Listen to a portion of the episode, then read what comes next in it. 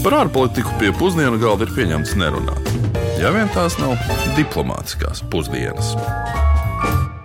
Labdien, un esiet sveicināti diplomātiskajās pusdienās, ikdienas informatīvi izklaidējošā raidījumā par pasaules valstīm. Labdien! Nu, kā katru otrdienu mēs izvēlamies vienu politisku teritoriālu vienību, kuru analizēt dziļāk. Un eh, šodien runa būs par pasaulē lielāko salu - Kālalītu, nu nātu, jeb cilvēku zemi. Andreja Upīšu vārdiem runājot, zaļo zemi. Pareizāk sakot, solījām, ka pēc mūsu skumjākiem raidījumiem iepriekš par Laosu un Somāliju šodien ko dzestru, ziemīgu, atsvaidzinošu un pozitīvu un tādēļ. Dānijai piedaroša autonomā teritorija Grenlande, jeb zaļā zeme. Tāds arī ir šī vārda izcelsmes pamats. Grenlanda mūsdienās kopš 1953. gada pilnvērtīgi konstitucionāli pieder Dānijas karalistei, bet tās vēsturiskie ceļi ir visnotaļ interesanti, un par tiem šodien arī parunāsim. Bet ko par šo vietu zina mūsu klausītāji? To vaicāja Ulris Česbers. Ar ko jums asociējas Grenlande?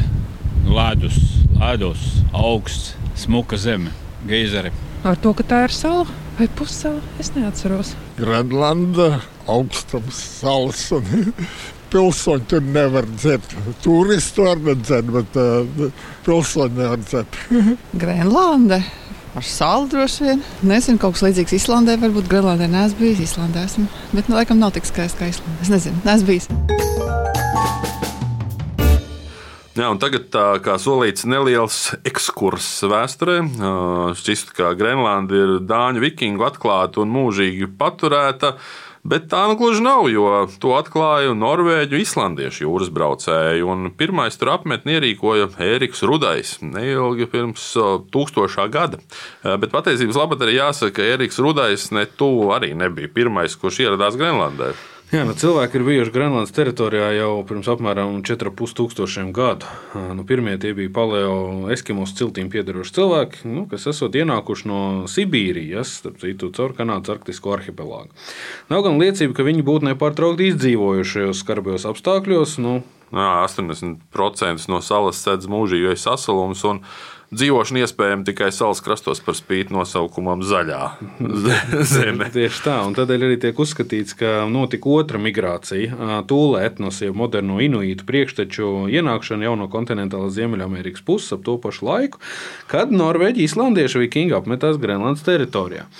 Nu, reizēm tu pat aizdomājies, cik daudz pasaules atklāšanu mēs zinām tikai no Eiropiešu puses, bet aizmirstam, ka cilvēki nu, vietās bija ieradušies jau pirms Eiropiešiem un atklājumus veikuši vēl ilgu laiku pirms. Nu, līdzīgi kā mēs savulaik runājam arī par Austrālijas atklāšanu. Nu jā, par šo tautu staigāšanu mēs varam painteresēties, kā tas nāks, ka gan uh, Ungāri, gan Igauni ir no vienas uh, somu no, grupas. grupas un, uh, tur arī tā staigāšana ir bijusi visai interesanta un arī Krievija iesaistīta. Jā, bet uh, tieši par Eiropiešiem un viņu atklājējiem mēs zinām vairāk, jo par viņiem ir saglabājušās rakstiskas liecības. Nu, tā mēs, piemēram, uzzinājām, ka pirmā grenlandieša Erika Rudā dēls Leifs Eriksons ir uzskatīts par pirmo Eiropieti, kurš tieši no Grenlandes teritorijas apmēram 500 gadu vēl pirms Kristofera Kolumba izkāpa Ziemeļamerikas krastā. Nu, šis bija arī eh, brīdis, kad Grenlanda bija eh, tā saucamās Kalmāras jūnijas sastāvā. Bet, nu, ja mēs tā paskatāmies eh, vēsturiski, tomēr īpašuma tiesības uz Grenlandu ir mainījušas rokas visnotaļ bieži. Nu, Kārtējais Eiropiešu noriets notika tad, kad Norvēģi piedzīvoja mēra epidēmiju pašmājās nu, un tika visnotaļ novājināta arī ārpolitiski. Jā, un tas tas sakrita arī ar ilgstošu augstumu periodu pasaulē, un uh, tostarp Grenlandē. Nu, tā saucamais mazais ledus laikmets. Jā, un, un tā laikā, 15. gadsimta vidū, Grenlandē dzīvojuši Eiropiešu pēcteči nu, faktiski aizgāja bojā nu, un palika tikai inuīti. Pēc Norvēģiem uz īsu brīdi Grenlandē ieradās mūsu jau izdaudzinātie jūras braucēji, iepriekšējos raidījumos, un portugāļi, bet uh, nu, faktiski kontroli gan viņi nenodīja. Augsta droši vien. tā brīža pasaules kartēs gan viņi saliezīmēja. Dāņi sāk interesēt interesēties par šo teritoriju tikai ap 1600. gadu, nu, 1600. gadu sākumā, cenšoties kļūt par vienu no pasaules koloniālajām lielvarām. Nu, cerēja un zināja, ka Grenlandē laikam būs atrodami diezgan daudz resursi, nu, par kuriem cīņa sākusies arī mūsdienās. Nu jā, un šeit atkal ir tā mazā nianse, kāpēc es vēlreiz piesaukšu zaļo zemi. Zaļā zeme un Grenlandes nosaukums tika, nu, varētu uzskatīts par dāņu savulaik turisma logo, jo tas bija, lai pievilinātu cilvēkus dzīvē šajā salā. Tāpēc tika radīts mīts par to, ka tur ir tiešām zaļa zeme, kas atšķirībā no Islandes, kur tiešām ir nedaudz vairāk zāles nekā Grenlandē. jā, bet kura saucās ledus zeme? Ledus zeme, jā. Bet faktiski tas bija tikai vairāk nekā simts gadus vēlāk, kad Dāņu un Norvēģu kopvalsts pārstāvi nodibināja pastāvīgu kontroli. Un pēc šīs kopvalsts sadalīšanās 19. gadsimta sākumā Grenlanda arī nonāca tikai Dānijas īpašumā. Otrā pasaules kara laikā, kad nacistiskā Vācija okupēja Dāniju, tad Grenlanda kļuva par ASV atbalsta punktu. Jā, nu šeit, protams, ir interesanti atzīmēt, ka ASV vairāk kārtīgi ir mēģinājusi iegādāties Grenlandu no Dānijas. Nu, pirmais gadījums bija 1876. gadā. Nesenākais un iepriekšējais pavisam nesenākais. Pavisam nesenākais.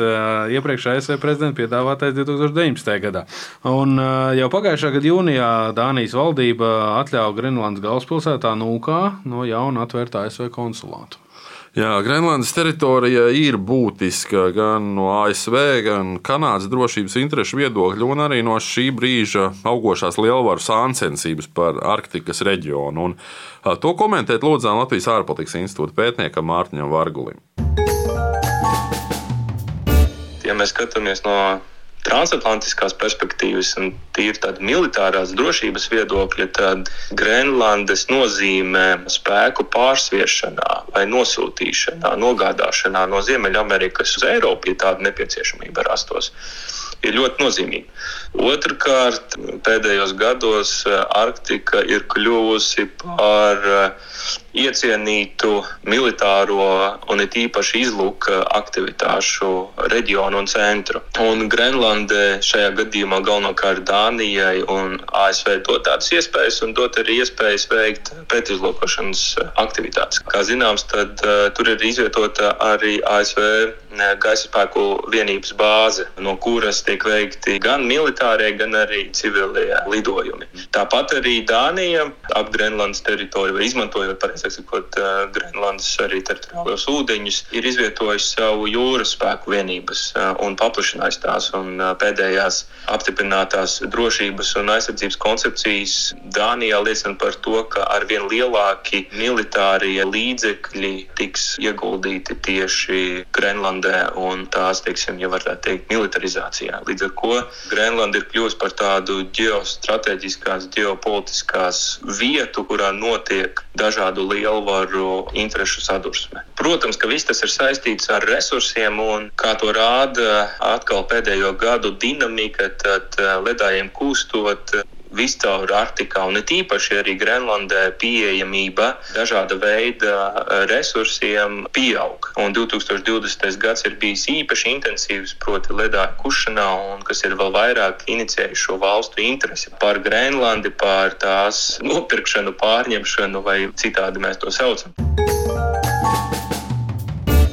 Ir skaidrs, ka drošības intereses ir saistīts arī ar resursu un ekonomisko iespēju attīstīšanu. Tādēļ laikam būtiski ir pieskarties tam faktam, ka Grenlanda bija pirmā, kas izstājās no Eiropas ekonomiskās kopienas, nu, tagadējās Eiropas Savienības. Un ilgu laiku bija arī vienīgā, nu, līdz pat nesenajai Lielbritānijas izstāšanās mirklim. Respektīvi, 1982. gadā referendumā šīs te teritoriālās vienības iedzīvotāji nobalsoja, ka nevēlas piedalīties Eiropas ekonomiskajā kopienā vairāk, un tādēļ arī mūsdienās viņi ir kļuvusi par un skaitās viena no 22 Eiropas Savienības aizjūras valstīm un teritorijām, nu, kurām ir īpašs status attiecībā pret Eiropas Savienību. Nu, es domāju, ka detalizētāk mēs par šo faktu un principu parunāsim, tad, kad mums būs raidījums par Franciju. Bet turpināt runāt par Grenlandes mūsdienu dzīvi, vairāk nekā 2 miljonus kvadrātkilometru lielo salu apdzīvo tikai 58,000 iedzīvotāji. Principā mūsu Jālgava vai nu, tāds Ķīnas mikrociemats, kur 90% ir etniskie grenlandieši. Jā, un šī valstiskā veidojuma oficiālā valoda ir Eskimos alītu grupai piedarošā grenlandiešu valoda, jeb kalālisut. Un kopš 2009. gada jūnija vienošanās Grenlandē ir vēl lielākas politiskās pašpārvaldes tiesības, bet Dānija joprojām turpina kontrolēt valsts finanšu sistēmu, militāro aizsardzību un arī ārpolitiku. Grenlandes IKP uz vienu iedzīvotāju ir uh, par apmēram ceturto daļu, jeb apmēram 7000 eiro lielāks nekā Latvijas. Nu, galvenie eksporta un importa partneri, nu, protams, ka Dānija nu, un citas ziemeļvalstis. Grenlandes saimniecība ir pilnībā atkarīga no garneļu un zīvju eksporta, nu, kas nav pārsteigums, un uh, ievērojamām Dānijas valdības subsīdijām, kas varbūt tās ir nedaudz lielāks pārsteigums. Zīves veido vairāk nekā 90% no eksporta apjoma. Jā, tāpēc arī mūsu veikalos visbiežāk redzam tieši Grenlandes garnelis.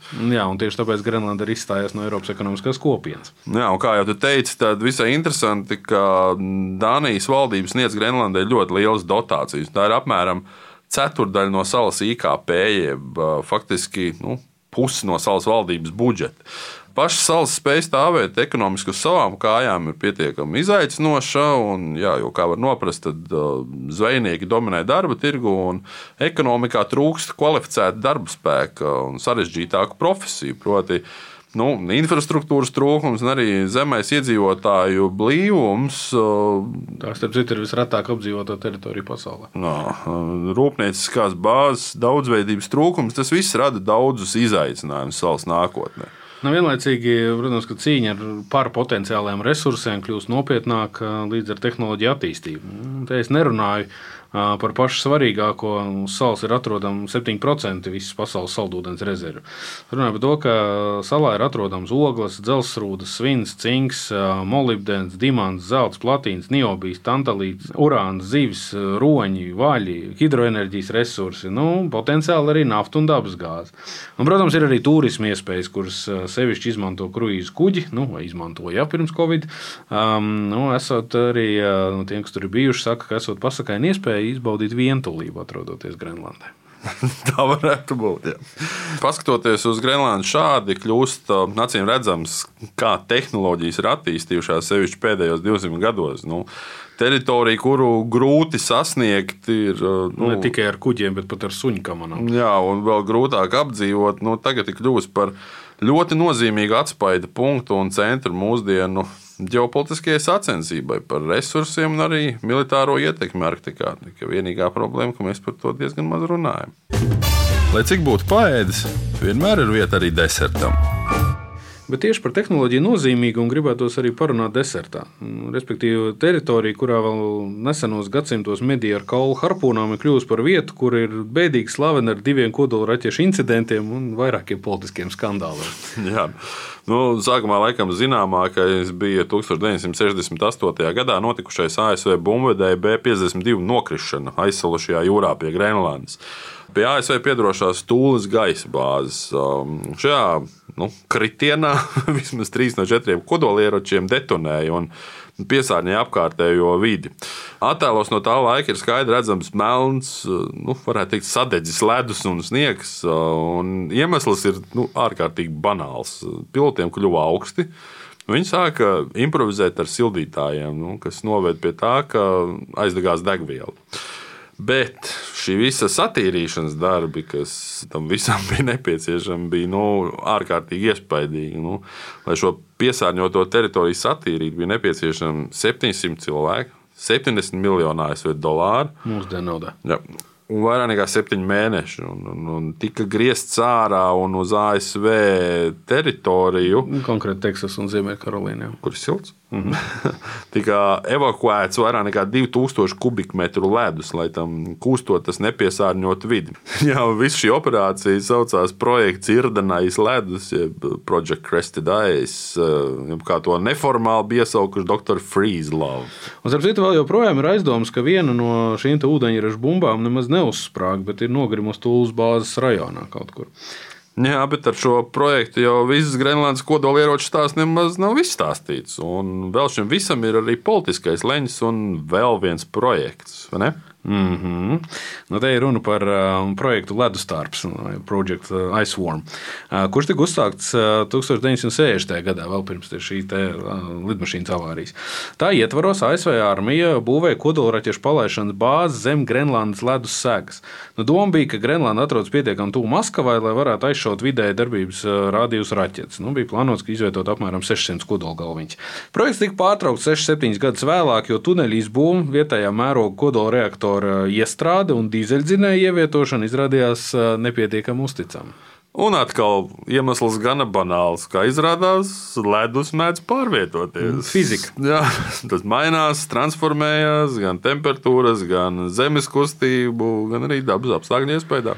Nē, nu, arī politika ap šo ledu kustējās. Jo interesantākais, ka par šo pašu projektu Dānijā, nu, tostarp pats parlaments, uzzināja tikai 1990. gadu vidū, jo tas tika īstenots bez Dānijas nu, oficiālas piekrišanas.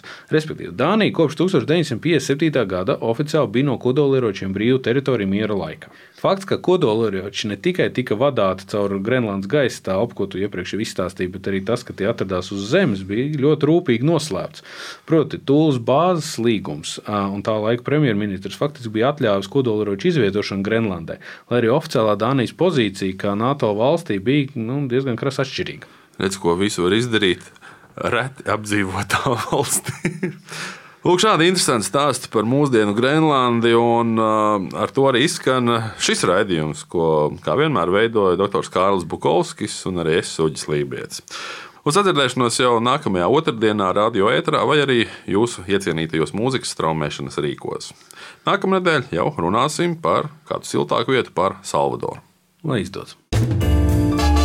Diplomātiskās pusdienas katru otrdienu pusdienos Latvijas Radio 1.